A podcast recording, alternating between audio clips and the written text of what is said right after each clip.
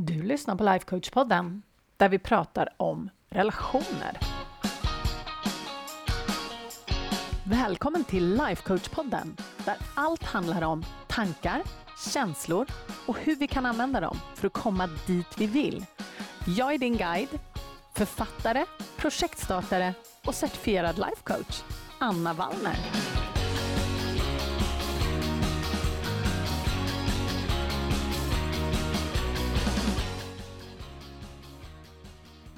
Men hej hallå på er! Jag lovade ju för ett tag sedan att vi skulle prata mer om den här förändringen som sker när man faktiskt håller på med det här som vi håller på med.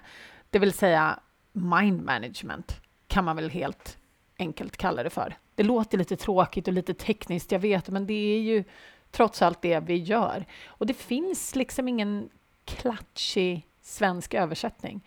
Det är lite samma sak som ehm, eh, personligt ledarskap eller självledarskap som man också kallar det för. Det låter ju också mycket bättre på engelska. Personal leadership. Då fattar man liksom exakt vad det är för någonting.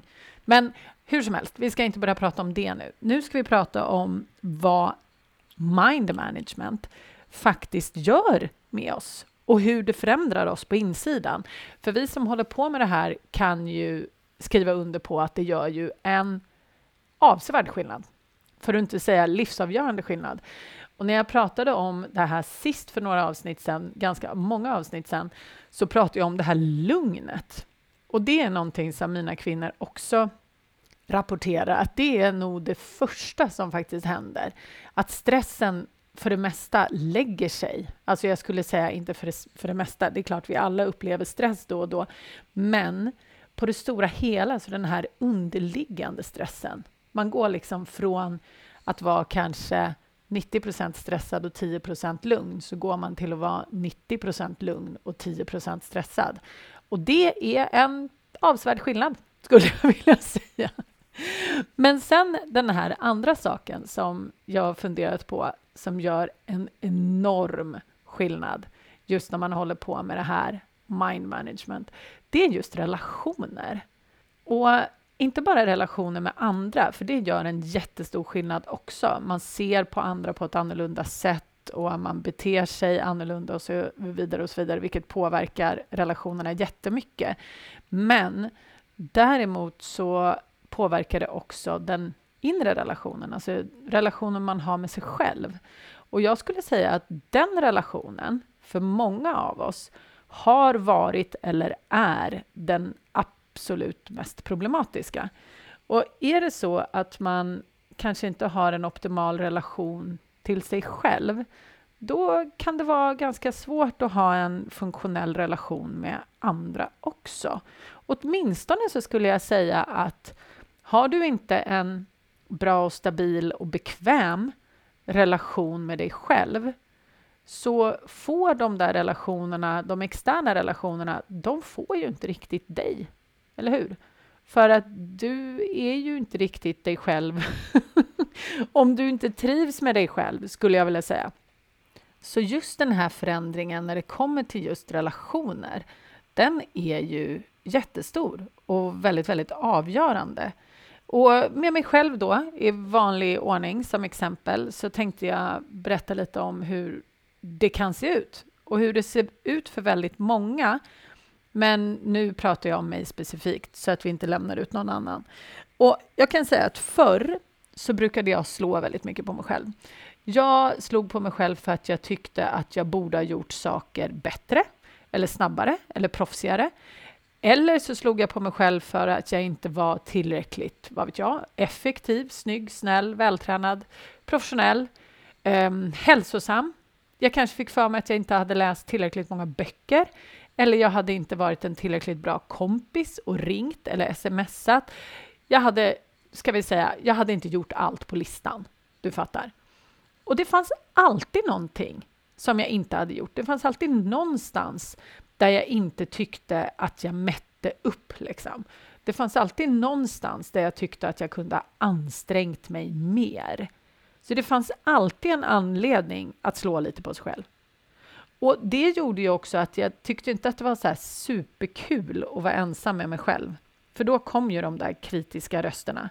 De fanns ju alltid där, men de hördes ju mer när jag var ensam. Och var jag ensam, gud förbjude, då satt jag alltid på typ en film och så satt jag och stickade. Inte för att jag kanske, eller ja, delvis för att jag tyckte att det var mysigt, men framför allt för att jag inte ville lyssna på de där äh, rösterna som fanns på insidan. Och jag gillade inte att sitta still heller, kan jag säga, för att då kände jag mig väldigt oproduktiv. Och när jag kände mig oproduktiv så kände jag mig tämligen värdelös. Så att det var till och med så att när jag satt och tittade på film med mina barn så kunde jag inte bara sitta och titta på film med mina barn. För det var inte tillräckligt produktivt, utan då vek jag tvätt eller sorterade någonting eller städade runt soffan eller eh, någonting sånt för att liksom stilla den här, vad jag tyckte var oproduktiviteten. Och sen var det också så att när jag väl gjorde någonting som jag faktiskt kände mig stolt över eller nöjd över, så hade jag inte någon väl utvecklad förmåga att faktiskt klappa mig själv på axeln och fira det här. Alltså, det gjorde jag absolut. Jag var ju glad och stolt, men kanske i pass två minuter. För sen så hade min hjärna redan skiftat in sig liksom på nästa bergstopp.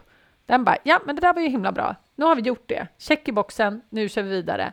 Och sen så hade jag liksom en ny horisont att sikta på. Så det blev liksom en ständig jakt på att vara bra, att vara tillräckligt bra. Och när man har en hjärna som hela tiden föder en att man kunde ha gjort mer så kommer man ju aldrig fram. Och det har vi pratat om hundra gånger på podden. Just den här, äh, det här fenomenet av den här, den här hedoniska adaptionen. The hedonic treadmill kallas den ju för på engelska. Så det är inte speciellt kul. Och jag kan säga att min relation till mig själv var allt annat än njutbar. Och även mina re relationer till andra var ju inte sådär superbra. Eller det ska jag absolut säga. De, jag hade fantastiska vänner även innan jag började med mind management. Jag hade en fantastisk familj som jag fortfarande har och jag älskar alla de här fortfarande. Men nu pratar jag om min relation till dem. För att det var så att jag vände mig ut och in och bak och fram för att försöka hålla alla glada och nöjda. Jag försökte vara alla till lags. Jag försökte hålla alla till freds. Jag kunde ju inte säga nej till någonting. Så det var väldigt mycket beroende på, eller jag ska säga att jag var väldigt mycket beroende av att de kände sig nöjda, glada, okej okay, i största allmänhet. Så jag tittade på dem och försökte avläsa hur de kände och vad jag trodde att de tänkte och tyckte om mig. Och om min tolkning var positiv, ja men då kunde jag känna mig okej. Okay. Men om det var så att någon var upprörd eller arg eller ledsen eller liksom uppvisade någon känsla som kunde tolkas som oönskad från deras håll, eller från mitt håll för den delen, så gjorde jag ju allt för att försöka fixa och laga det här. Och var det dessutom så att jag tolkade det som att det var jag som var den direkta orsaken till att de var missnöjda eller ledsna eller vad det nu kunde tänkas vara. Ja, men gisses vad dåligt jag mådde. Du kan ju ja, du kanske kan förstå, vi är många som har varit där, att vi tar på oss alla andras känslor. Och så säger vi till oss själva att ja, men det är vårt fel att de känner som de gör. Och ibland så tror ju de också att, det, att de känner som de gör på grund av oss. För vi tror ju att vi känner som vi gör på grund av dem. Eller hur? Så det blir ju bara en enda soppa. Och jag kan säga att mind management, om vi nu vänjer oss vid att jag kanske kommer börja använda den termen. det har förändrat precis allt. Det, det kan jag säga. Och det är så skönt, för det som framför allt har förändrats är att jag nu har fått en distans till både mig själv och till alla andra. Och det kan låta negativt att man håller en distans, men det är inte liksom en känslomässig distans på det sättet att jag älskar folk mindre. Absolut inte. Jag skulle snarare säga att den distansen gör att jag kan älska folk mer. och låta dem vara som de är utan att börja lägga in mina känslor och mina värderingar. Och jag tror att det i grund och botten har att göra med att jag inte längre tror på allt jag tänker. Jag har slutat liksom att tro på alla de här negativa tankarna som automatiskt serveras upp i min hjärna. Jag kan välja själv nu vad jag vill tänka om saker och ting. Och jag har slutat att tro att det andra känner är på grund av att jag har gjort A, B, C eller D. För jag vet ju nu att även hos dem, precis som hos mig, så måste det ju komma en tanke emellan. Och en tanke som jag tränade på oerhört mycket i början, jag vet inte om jag har pratat om den tidigare, den gick så här. Jag är en neutral omständighet i alla andra människors liv. Och det kan ju låta knäppt, men vid det laget, när jag började tänka på det, så hade jag först liksom landat i att ah, okej, okay, alla andra runt omkring mig, de är neutrala omständigheter, det vill säga vi, de kan inte få mig att känna någonting överhuvudtaget. Det är det jag menar med neutral. Om du är ny här på podden, hej, välkommen! Du skulle kunna gå tillbaks till eh, ett av de första avsnitten som jag tror kallas för Din chef är en neutral omständighet. Kanske någonting i stil med det. Ja, du får gå tillbaka. Du kommer, det, är det enda titeln som har ordet chef i, i sig, tror jag. Och det är ett av de första fyra, tror jag. Så just det här att alla andra är en neutral omständighet i mitt liv och att jag kan välja vad jag vill tänka om dem. Att beroende på vad jag väljer att tänka om dem så kommer jag känna olika saker. Och det var inte så svårt för mig att acceptera. Däremot, när man kommer då till det omvända, det vill säga att jag också är en neutral omständighet i alla andra människors liv. Det vill säga att de tittar på mig, ser hur jag beter mig eller vad jag säger och vad jag gör. Och sen måste de tänka något om det. Så att om vi tar mig och podden då, som exempel. Jag och podden, vi är en neutral omständighet i ditt liv. Du kan välja och tänka vad du vill om den här podden. Jag har vissa människor som skriver till mig och säger så här, det här har förändrat hela mitt liv. Det här är den bästa podden som finns. Tack så jättemycket. Medans några kanske tänker, men vad är det här för drabbel? Vad i hela friden? Det är samma podcast. Jag känner ingen av de här människorna. Så jag kan inte påverka dem. Jag bara spelar in min podcast, lägger ut den i eten och sen får ni tänka precis vad ni vill om den. Vissa kommer tänka på ett sätt, vissa kommer tänka på ett annat sätt. Det är det jag menar. Jag är en neutral omständighet i alla andra människors liv för att de har rätt att tänka vad de vill om mig. Och det är det som är liksom pudens kärna. Och just den tanken får en att liksom centrera tillbaks till sig själv och kanske fråga sig själv, okej, okay, om alla andra kommer tänka vad de vill och tycka vad de vill, vad är det då som är viktigt? Jo, att jag kan stå för den personen jag är. Så just den här tanken skulle jag säga leder till många positiva bieffekter. Delvis att man kan koncentrera sig på att vara den personen man själv vill vara och stå för de värdena man själv vill. Plus att det är mycket lättare att vara okej okay med att andra människor kommer inte tycka samma sak som du om allting. Men om du står trygg och säker i det du tycker så är väl det good enough? Eller hur? För att oavsett om du vänder dig bakåt och framåt åt sidorna så kommer det alltid finnas människor som tycker att det du gör är bra och det kommer finnas de som tycker att det du gör är kast. Så är det. Så det är en av de absolut största bitarna, skulle jag säga, som mind management har ändrat saker och ting för mig. Sen har jag också slutat att slå på mig själv. Jag vet inte om jag nämnde det. Um, men det har jag faktiskt slutat med i väldigt hög utsträckning. Det är väldigt, väldigt skönt. Och sen så har jag också släppt det här med att mitt värde sitter i det jag producerar. Så att jag har inte längre ett behov att vara produktiv hela tiden. Sen är jag extremt produktiv och det är mycket fart och mycket energi och så. Men det tycker jag är roligt. Jag trivs med det.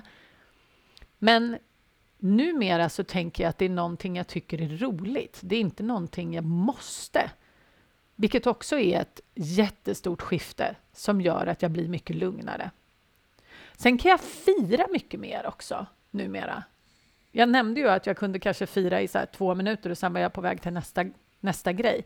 Nu så tittar jag tillbaka och så kan jag se allt jag har gjort och allt jag har skapat och så kan jag klappa mig själv på axeln och vara liksom nöjd och stolt över det löpande, skulle jag säga. Vilket är fantastiskt och en jätte, jättestor skillnad.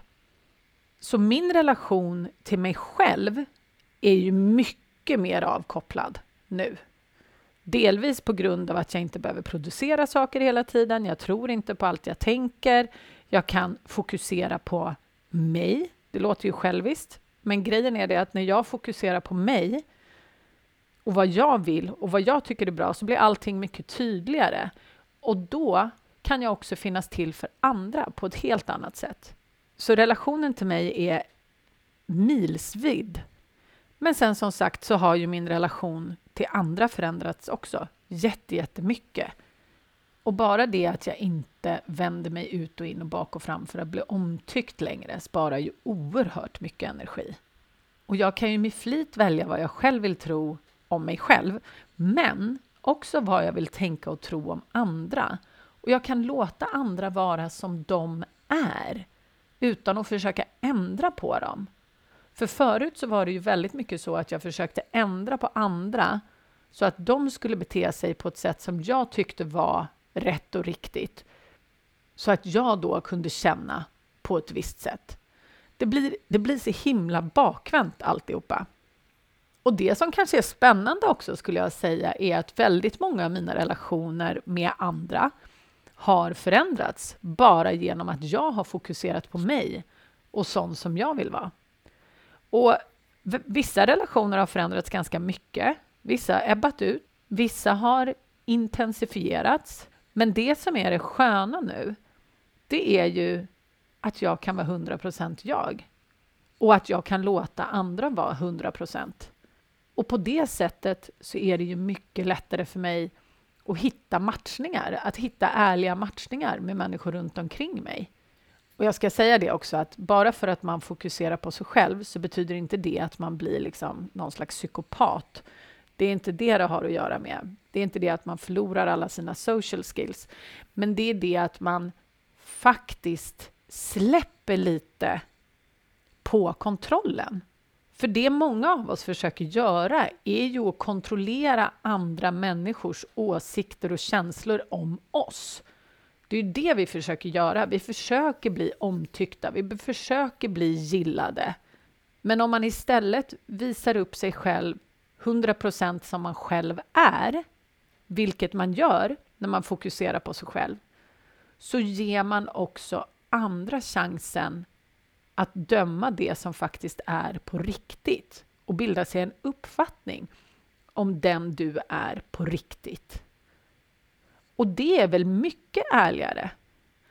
Och när du inte håller på och fokuserar på vad andra tycker att du borde göra eller du borde vara och du vänder dig ut och in och fram och tillbaks för att du är så fokuserad på dem. Det som är det spännande då är att när du släpper din fasad, då kan du vara öppen öppen och faktiskt höra dem och vara öppen för deras behov och vad de säger och lyssna på allt som de kommunicerar. För du är inte internt fokuserad på hur de uppfattar dig. Så att genom att släppa allt det här så skulle jag säga att vi blir mindre jag-fokuserade. Men det börjar med mer jag-fokusering, skulle jag säga, när man ska lista ut liksom, vem är det jag vill vara och hur vill jag vara och hela den biten. Vad vill jag tänka om mig själv och vad vill jag tänka om andra? Så att det är mitt absolut bästa råd den här veckan. Det är välj själv när det kommer till hur du vill vara, både med dig själv och med andra. Och är det så att du vill ha lite hjälp med mind management och personligt ledarskap eller självledarskap så då går du bara upp på annavallner.se och så klickar du på jobba med Anna så hittar du alla möjligheter där. Så kanske vi ses. Så kanske vi kan se ifall jag kan hjälpa dig på något sätt. Det vore väl himla kul. Hörru, puss och kram och så hörs vi nästa vecka om inte annat.